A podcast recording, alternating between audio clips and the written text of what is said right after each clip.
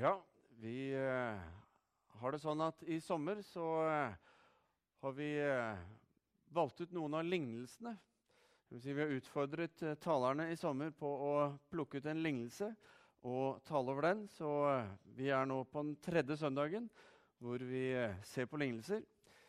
Forrige søndag så var det Gunnelin Våge som talte. Hun talte om lignelsen om de to sønnene.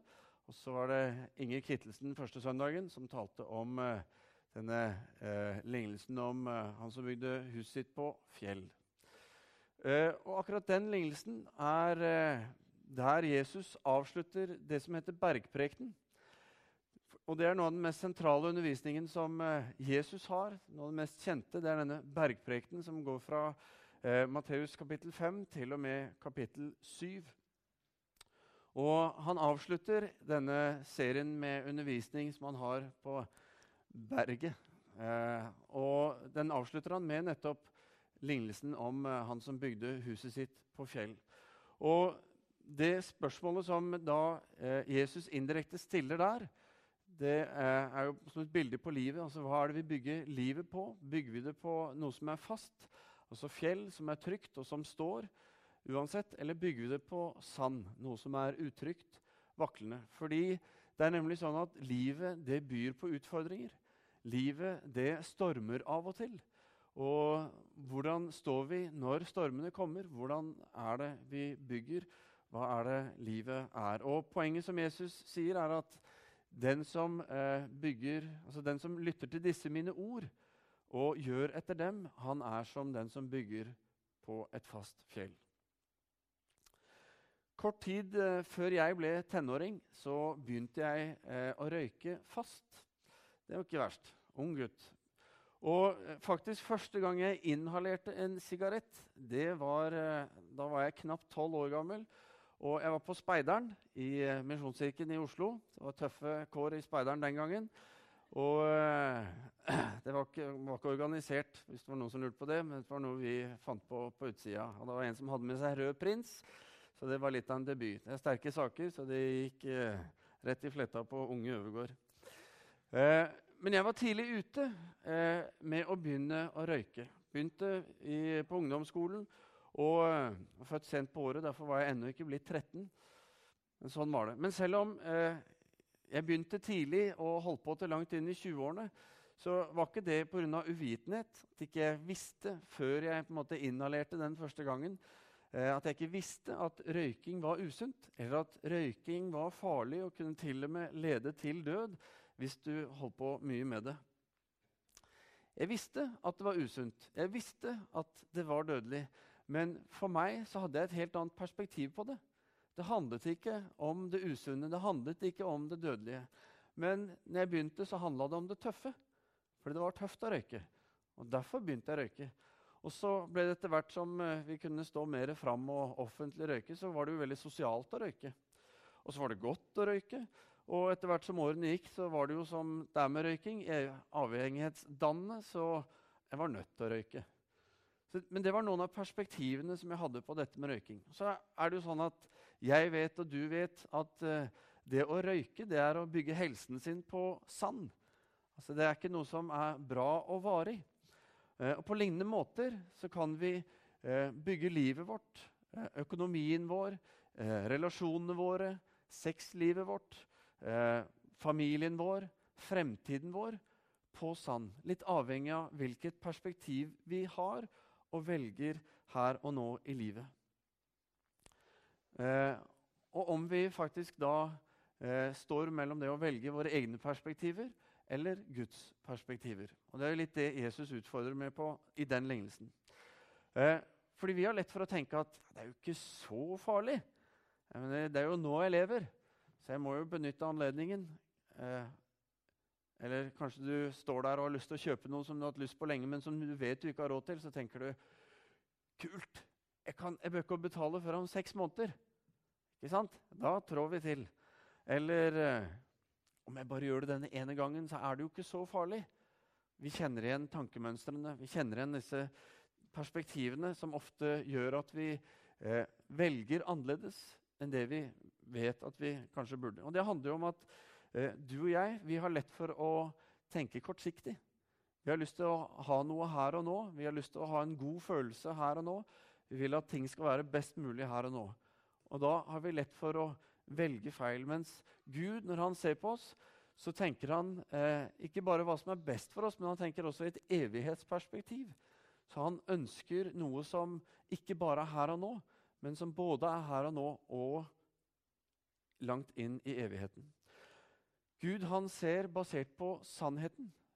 Og for oss så er det ofte vanskelig å skulle gjøre det. Vanskelig å skulle ta det inn over oss, hva det er.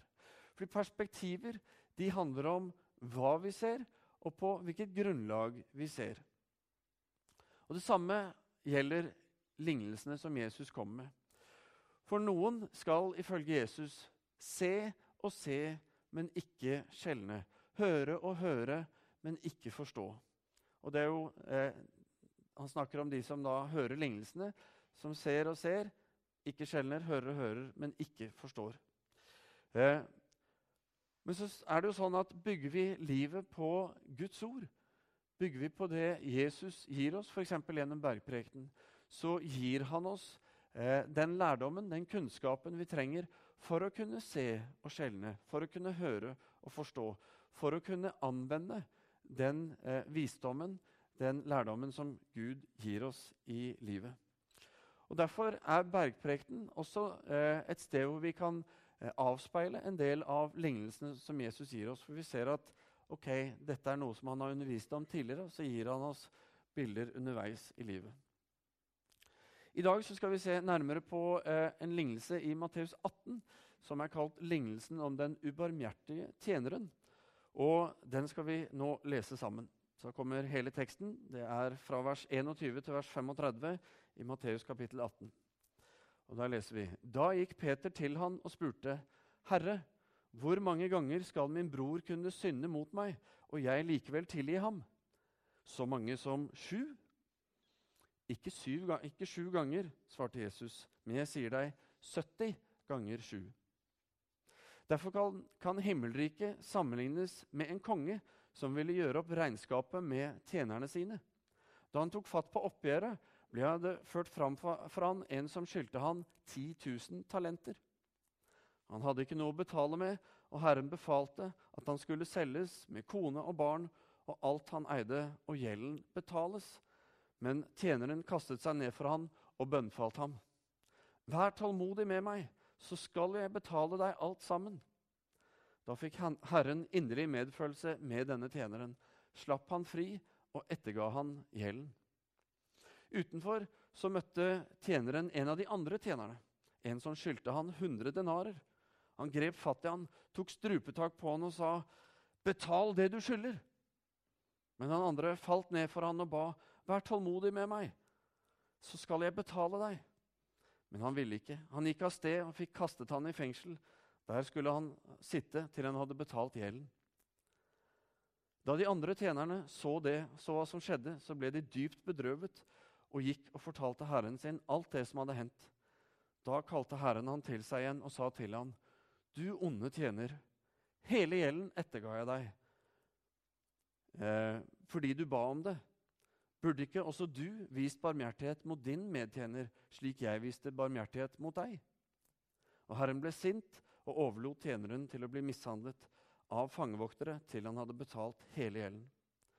Slik skal også min himmelske Far gjøre med hver og en av dere som ikke av hjertet tilgir sin bror.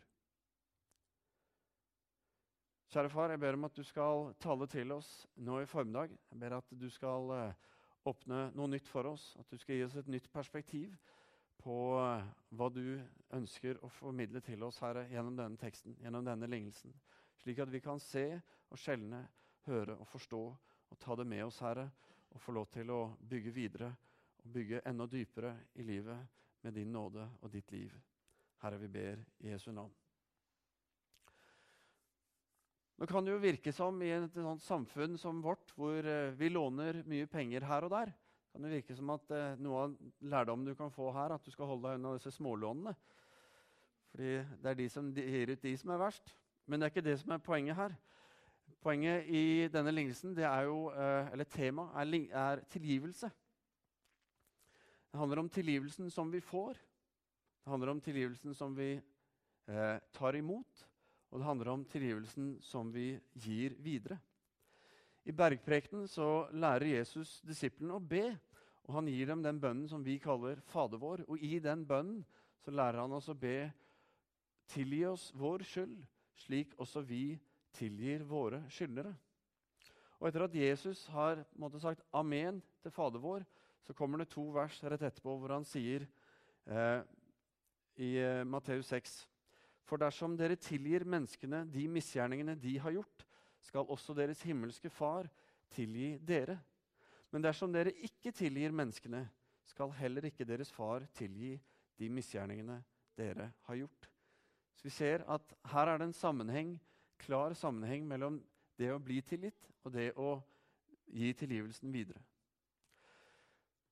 Poenget eh, med med dette med tilgivelse illustreres i denne lignelsen. Vi ser at kongen han blir som et bilde på Gud, og tjenerne de blir bilde på oss mennesker. Og Den ubarmhjertige eh, tjeneren han hadde en gjeld langt større enn noen av oss vil noen gang kunne måtte, få. Den er ubeskrivelig stor.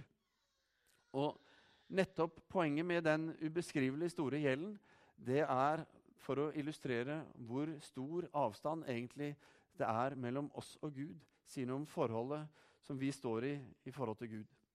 10 000 talenter. Okay, Det høres kanskje ikke så mye ut. Du tenker kanskje 10 000 kroner. Men 10, én talent tilsvarer 6000 denarer. Og én denar utgjorde en dagslønn for en av disse tjenerne. Så eh, hvis du er litt rask i matte, så har du allerede tatt det. Hater du matte, så bare vær glad for at jeg har regnet det ut. Men du må gange 6000 med 10 000. Og da får du 60 millioner dagslønner består denne gjelden i. Og hvis du skal jobbe inn den gjelda, så må du jobbe 229 885 år uten ferie, men du har fri i helgene. Dette har jeg regna ut. Så det er en ganske enorm gjeld som Jesus tegner i denne lignelsen. Altså, det er utrolig at det går an å ha en sånn gjeld i det hele tatt. Eh, for å gi oss kanskje enda mer begrep om hvor stor denne gjelden er, så skal vi regne om i dagens kroner. Eh, og så skal vi gå ned, for det er sånn at Vi har en fattigdomsgrense her i Norge som eh, er en årslønn på 196 000. Hvis en husholdning har det, så er det liksom, ok, der går grensen for det vi regner som fattig eller ikke. Og det betyr at du har en dagslønn på 750 kroner hvis du har det som årslønn.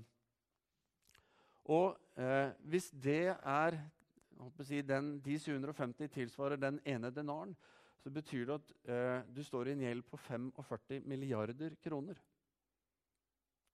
Ikke sant? Og Hvis du har gjennomsnittslønn i Norge i dag, så tjener du 1400 kroner per dag. Og Da er gjelden din på ikke mindre enn 84 milliarder. Og skulle du være blant de rikeste iblant oss som tjener 10 000 kroner dagen, ja, så er gjelden din på bare 600 milliarder. Så uansett, lykke til til oss alle. Men slik Jesus eh, beskriver denne gjelden, så beskriver han hvor uendelig stort problem egentlig synden er eh, for oss. Syndens natur og hva den gjør i oss. Og Samtidig så forteller han også hvor uendelig stor Guds nåde er for oss. Eh, og ikke bare det, men at når vi kommer til Gud, selv med så stor gjeld, og vi ber om nåde, vi ber om tilgivelse, ja, så kan han på en måte ikke annet enn å gi oss den tilgivelsen. Eh, Peter er det som på en måte åpner eh, veien inn til denne lignelsen. For Han kommer og så spør han, du, hvor ofte skal jeg tilgi min bror. Skal jeg tilgi han så mange ganger som sju? Og poenget er at i, blant jødene på den tiden så var det ganske strengt. Man hadde klare regler på alt, og det var sånn at eh, du hadde en grense på tre Altså, det var ingen som ble forventet å tilgi mer enn tre ganger. Og etter det så var det på en måte ok, sorry, du har brukt opp kvoten din. Eh, så hadde den for det som var tilgivelig, og så hadde du også eh, denne loven om øye for øye, tann for tann. Altså slår du meg, ja, da har jeg rett til å slå deg. Og dreper du meg, ja, da har broren min rett til å drepe deg. Uten på en måte å bli dømt etterpå. Og det var litt av rammen rundt eh, hvordan livet var da. Så når Peter eh, foreslår sju ganger, så tar han i skikkelig. Da han liksom dobler og litt til.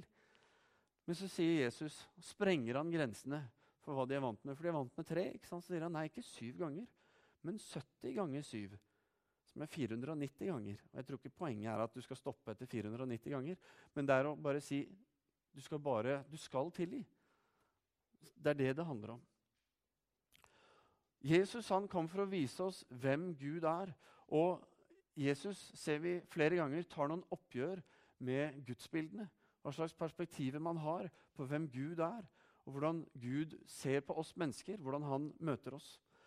Eh, Gud vet hvordan vi har det. Gud vet at vi ikke klarer å gjøre opp. At ikke vi klarer å på en måte godtgjøre synden i livene våre. Så Guds vilje den er å tilgi oss.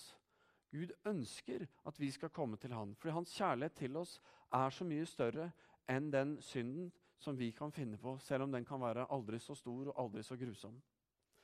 Eh, og Johannes han bekrefter dette. og Vi ser det mange steder i Bibelen. Men i 1. Johannes så sier Johannes dette at eh, dersom vi bekjenner våre synder, er Han trofast og tilgir oss syndene og renser oss for all urett. Så det er en sammenheng mellom det å bekjenne og det å få tilgivelse. Gud ønsker å tilgi oss. Det er kanskje noen av dere som eh, er kjent med historien i Lukas 7. Eh, og Det er fortellingen om hvor eh, Jesus besøker fariseeren Simon og er da hjemme hos han. Og så kommer en kvinne inn. En kvinne som var regnet som uren, som måtte, ikke hadde lov til å være i huset, for hun gjorde huset urent ved å være der. Hun kommer inn, og så faller hun bare ned for Jesu føtter. Og Alle de andre som er der, ser på henne. 'Uff og fy, hva er dette for en dame?' Hun faller ned for Jesu føtter, og så gråter hun. Og med tårene sine så begynner hun å vaske føttene til Jesus. Og så tørker hun føttene med håret sitt, for så å finne fram en dyr og kostbar salve for å salve føttene hans.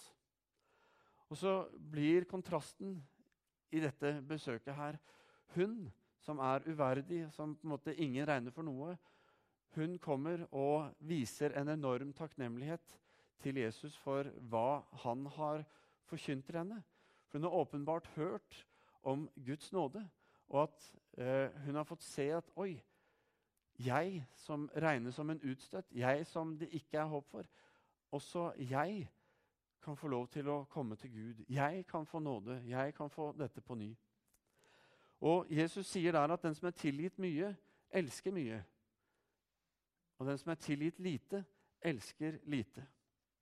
Vi skulle tro at uh, denne tjeneren som vi møter i lignelsen vår, som hadde fått tilgitt denne enorme gjelden sin. At han skulle være verdens gladeste mann, klare til å tilgi hvem som helst og hva som helst, uansett. Uh, det trodde kongen også. Kongen forventa det, men det var ikke sånn det gikk. For Vi leser at han går ut, og så møter han en av medtjenerne sine som skylder han 100 denarer. Og 100 dagslønner er altså 75 000. Så sammenlignet med den gjelden han selv har fått eh, sletta, så er jo det en dråpe i havet. Og vi ser at også gjennom hans handling, det at han ikke vil tilgi, og det at han drar han inn i fengsel, så ser vi at det er ikke nødvendigvis sånn at det at du får tilgivelse, gjør at du tar imot tilgivelse. Altså kan, Gud kan gi oss tilgivelse uten at vi selv tar det imot og lar det få lov til å røre ved oss i dypet av livet. Og Det tror jeg er en av kanskje våre største utfordringer i dag som kristne. Det er at vi vet at vi er tilgitt, men vi eh, av forskjellige grunner har ikke helt klart å ta imot den nåden, den tilgivelsen som Gud ønsker å gi oss. Eh, derfor så mangler vi ofte erfaringer også av Guds nåde og kjærlighet i livene våre som gjør at det blir vanskelig for oss å elske så mye som vi kanskje føler at vi burde elske. Som kanskje vi kjenner ligger litt på oss. Men så handler det veldig ofte om at vi ikke våger å tro at Guds nåde gjelder for oss fullt ut. Gunnelin Våge, som talte forrige søndag, hun snakket, var inne på dette. Hvordan vi kan begrense Guds nåde over livene våre fordi vi tror at det er ting som eh, Gud ikke vil ha noe med å gjøre. Hun snakket om disse to sønnene, hvor han ene sa ja, men ikke gjorde det, og han andre sa nei, men gikk og gjorde det. Dette at Det er ting vi tror Gud sier ja til i forhold til oss, men så er det også ting han sier nei til, ting han ikke vil ha noe med å gjøre. Så er det steder hvor vi ikke eh, rett og slett slipper Gud til med sin nåde. At han får lov til å rense oss og røre ved oss. Poenget er at han kjenner oss. Han vet hvordan vi har det. Han vet om alt hva vi har gjort. Og lenge før vi rakk å i det hele tatt eksistere eller tenke på å gjøre noe av de gale tingene vi har gjort, så valgte Jesus å gå i døden for oss. Han valgte å ta på seg all den skylden, slik at vi kunne få frihet. Han vet hvordan vi har det. Han ønsker å tilgi. Han ønsker at du og jeg skal få ta imot i dypet av våre liv hans nåde. Og Hele poenget med Jesu død på korset er jo å vise oss nettopp hvor stor Guds nåde og kjærlighet er. Og Derfor han, eh, er han villig til å tilgi selv den største synderen. For det finnes ikke en synd som er større enn det Guds kjærlighet og nåde er. Derfor vil uansett hva du har gjort, uansett hva som du bærer med deg i livet, så er Guds nåde større, og han ønsker å sette deg fri fra det du bærer på. Korset uttrykker Guds grenseløse kjærlighet til oss. Og Derfor blir det viktigste vi kan gjøre, er rett og slett å ta imot. Og slippe Gud til, også i de mørke eh, områdene som vi ofte prøver å holde unna. Som vi prøver å skjule for alle rundt oss, og gjerne også for Gud. Han ønsker å slette gjelden. Han ønsker at vi skal kjenne på en full frihet og ta imot fullt ut.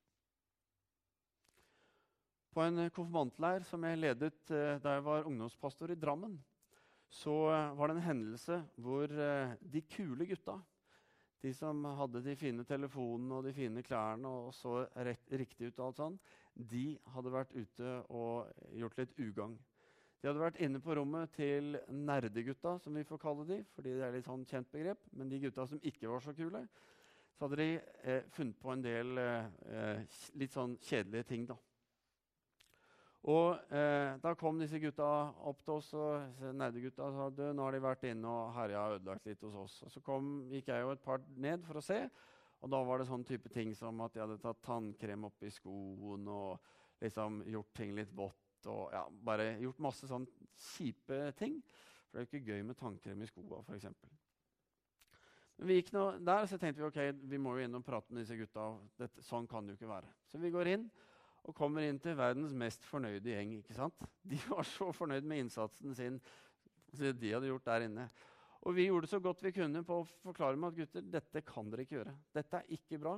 Nå må dere gå liksom, og be om unnskyldning. ikke sant? Og dette må vi få ordna opp og hjelpe dem å tørke opp og ordne sånn. Men de gutta var så fornøyd med innsatsen, så det var liksom ikke råd å komme gjennom. Og liksom få dem til å se hvor galt dette var. Og da får jeg et innfall. Jeg må gjerne kalle det en tilskyndelse. Det høres jo enda bedre ut. Men jeg skal ikke våge å kalle det det. Men jeg fikk et sånt lite innfall. For Vi står og prater med dem, de sitter da i disse køyesengene. Så det er noen som sitter høyt oppe.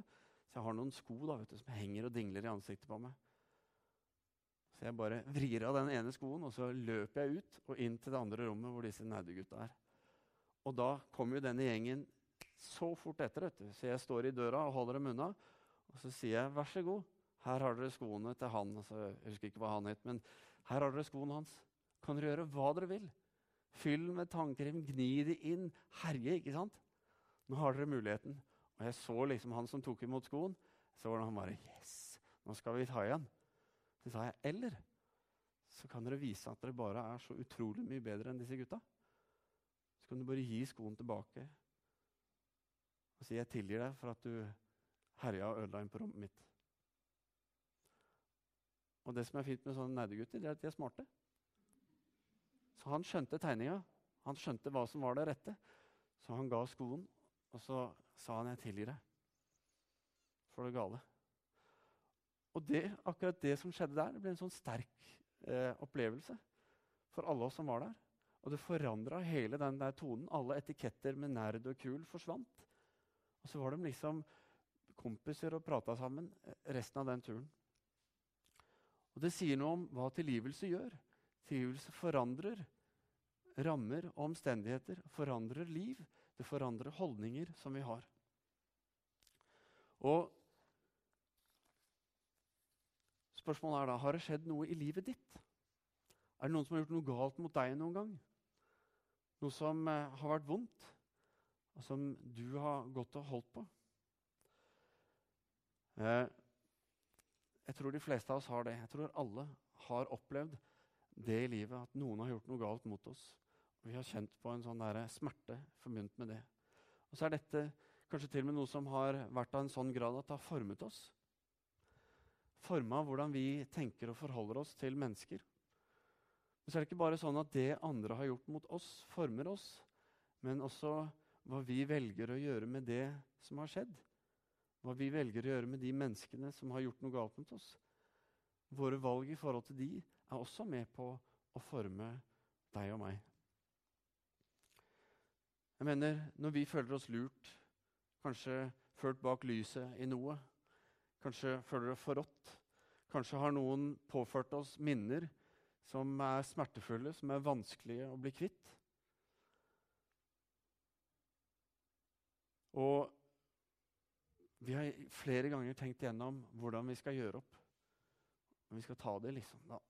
Hvis jeg bare treffer han eller henne der og da, skal jeg si det sånn og sånn. Det skal være den omstendigheten, og gjerne mange folk som står der og hører på. og liksom, Nå skal jeg ta han. Så har vi en, der, går vi rundt og bærer på en sånn følelse eller en sånn jeg har noe å holde imot deg. Og det at jeg har noe å holde imot deg, det føles litt godt. Det er litt sånn plaster på det såret som jeg går og bærer på. Og det kan være så godt at det er vanskelig å gi slipp på den. Det kan til og med være så godt at vi inngår et slags partnerskap med den følelsen, med den makten, den kontrollen som vi kjenner, over å kunne ha noe å holde mot en annen som har gjort noe galt mot oss. Og det lurer oss til å tro at vi kan gjøre ting bedre gjennom å holde på den følelsen. Men det fungerer aldri sånn. Det hjelper oss aldri. Tanken kan føles god, men den løser ingenting. Og snarere så leder den nettopp til bitterhet, eller den leder oss til sinne eller en rekke andre usunne holdninger. For faktisk er det jo sånn at jo lenger vi holder noe mot en annen, jo lenger binder vi oss selv til det som har skjedd. Eh, for det er som regel vi som er bundet. Det er vi som sitter og kjenner på smerten. Vi som holder igjen. Mange som har gjort noe galt med oss, de klarer å leve godt videre uten å tenke på det, mens vi holder på dette. Og Kanskje er det noen her inne nå som kjenner på noe.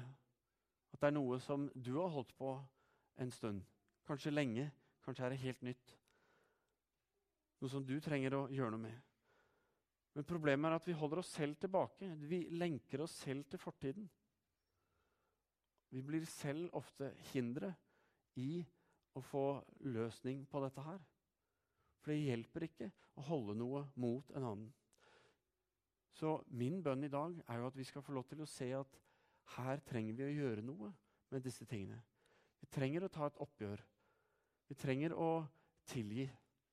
Vi trenger å be Gud om å hjelpe oss til å gjøre noe med dette som er vanskelig. Slik at vi kan bryte de lenkene som fortiden har hengende på oss. Slik at vi kan bryte det som er der, og som former oss slik vi egentlig ikke har lyst til å bli formet.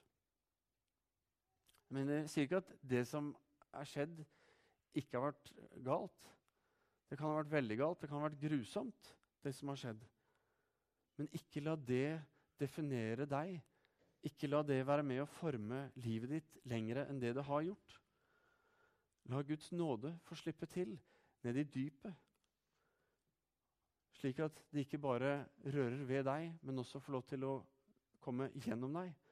For det handler ikke bare om å få tilgivelse eller å ta imot tilgivelse, men vi skal også tilgi videre. Vi skal gi det videre til menneskene rundt oss.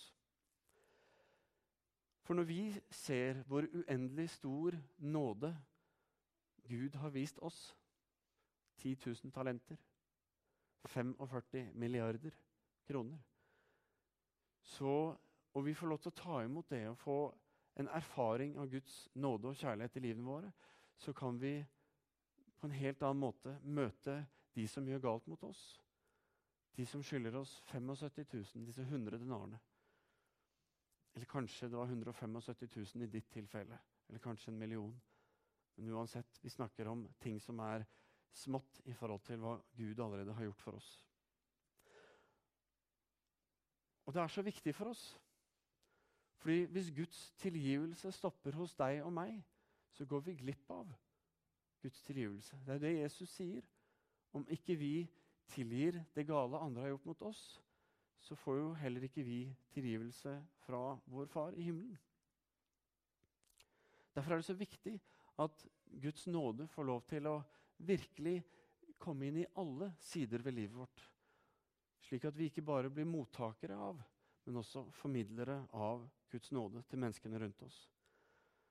Fordi Lignelsen ønsker å vise oss nettopp hva Gud har gjort for oss, og hvilket liv han tilbyr, hvilke muligheter som ligger i det å leve med han. Og Så er spørsmålet hvilket perspektiv har du og jeg på Guds nåde? Hvilket perspektiv er det vi har på vårt eget liv? Tror vi at Guds nåde gjelder for oss fullt og helt? Eller har vi begrenset Guds nåde fordi vi selv ikke våger å tilgi oss selv, kanskje? Har du ikke sluppet nåden til fullt ut i alle deler av livet ditt, så er det min største oppfordring deg, til deg i formiddag å gjøre det. Fordi Gud ønsker å gi oss så uendelig mye mer enn det vi har fått. Han ønsker å forandre oss på dypet av hvem vi er. Uansett hvor galt det er, uansett hvor vondt eller grusomt vi tenker at det er, så sier han at han ønsker å rense oss. Derfor skal vi lese 1. Johannes 1,9 igjen.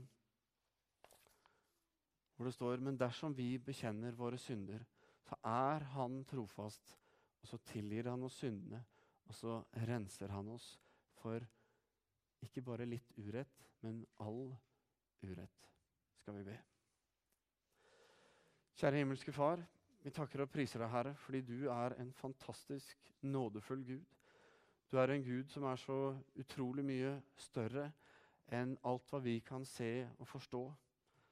Herre, takk for at det er sant at det finnes ingen synd, ingen urett i vårt liv som er større, eller som er så stor, Herre, at den ikke er dekket av din nåde. Takk, Herre, for at uh, uansett så får vi lov til å komme til deg med livene våre. Og så får vi lov til å be om tilgivelse. Og så gir du oss den tilgivelsen, den nåden. Du tar oss opp med dine kjærlige armer. Og så sletter du den gjelden, uansett hvor stor den måtte være. Uansett hvor tung den måtte være, så ønsker du å la oss kjenne på en frihet at byrden tas bort, at lenkene brytes, at vi får lov til å begynne på ny. At eh, takknemligheten for hva du har gjort for oss, får lov til å velle fram i oss, Herre. Slik at vi med våre tårer kan komme til deg og takke deg for det du har gjort. Herre, vi ber Herre om å få lov til å bli møtt på dypet i livene våre. Vi ber Herre om at uh, de tingene som vi har holdt unna, som vi kanskje ikke har tenkt så mye om, eller som vi har tenkt så mye på at vi rett og slett ikke våger. Herre, takk for at du er større enn alt dette. Og takk for at det er din vilje, det er ditt vesen å tilgi og møte oss med nåde. Og så sier du eh, heller ikke jeg fordømmer deg. Gå bort og synd ikke mer. Så møter du oss med kjærlighet og nåde. Med nåde og sannhet. Herre, takk for at du er veien, sannheten og livet. Takk for at du ønsker å lede oss inn på den veien, inn i den sannheten, inn i det livet. Herre, tal til oss, rør ved oss, forny oss, Herre. Gi oss nytt liv. Herre, vi takker deg for alt det du er, alt det du gir. Vi I Jesu navn. Amen.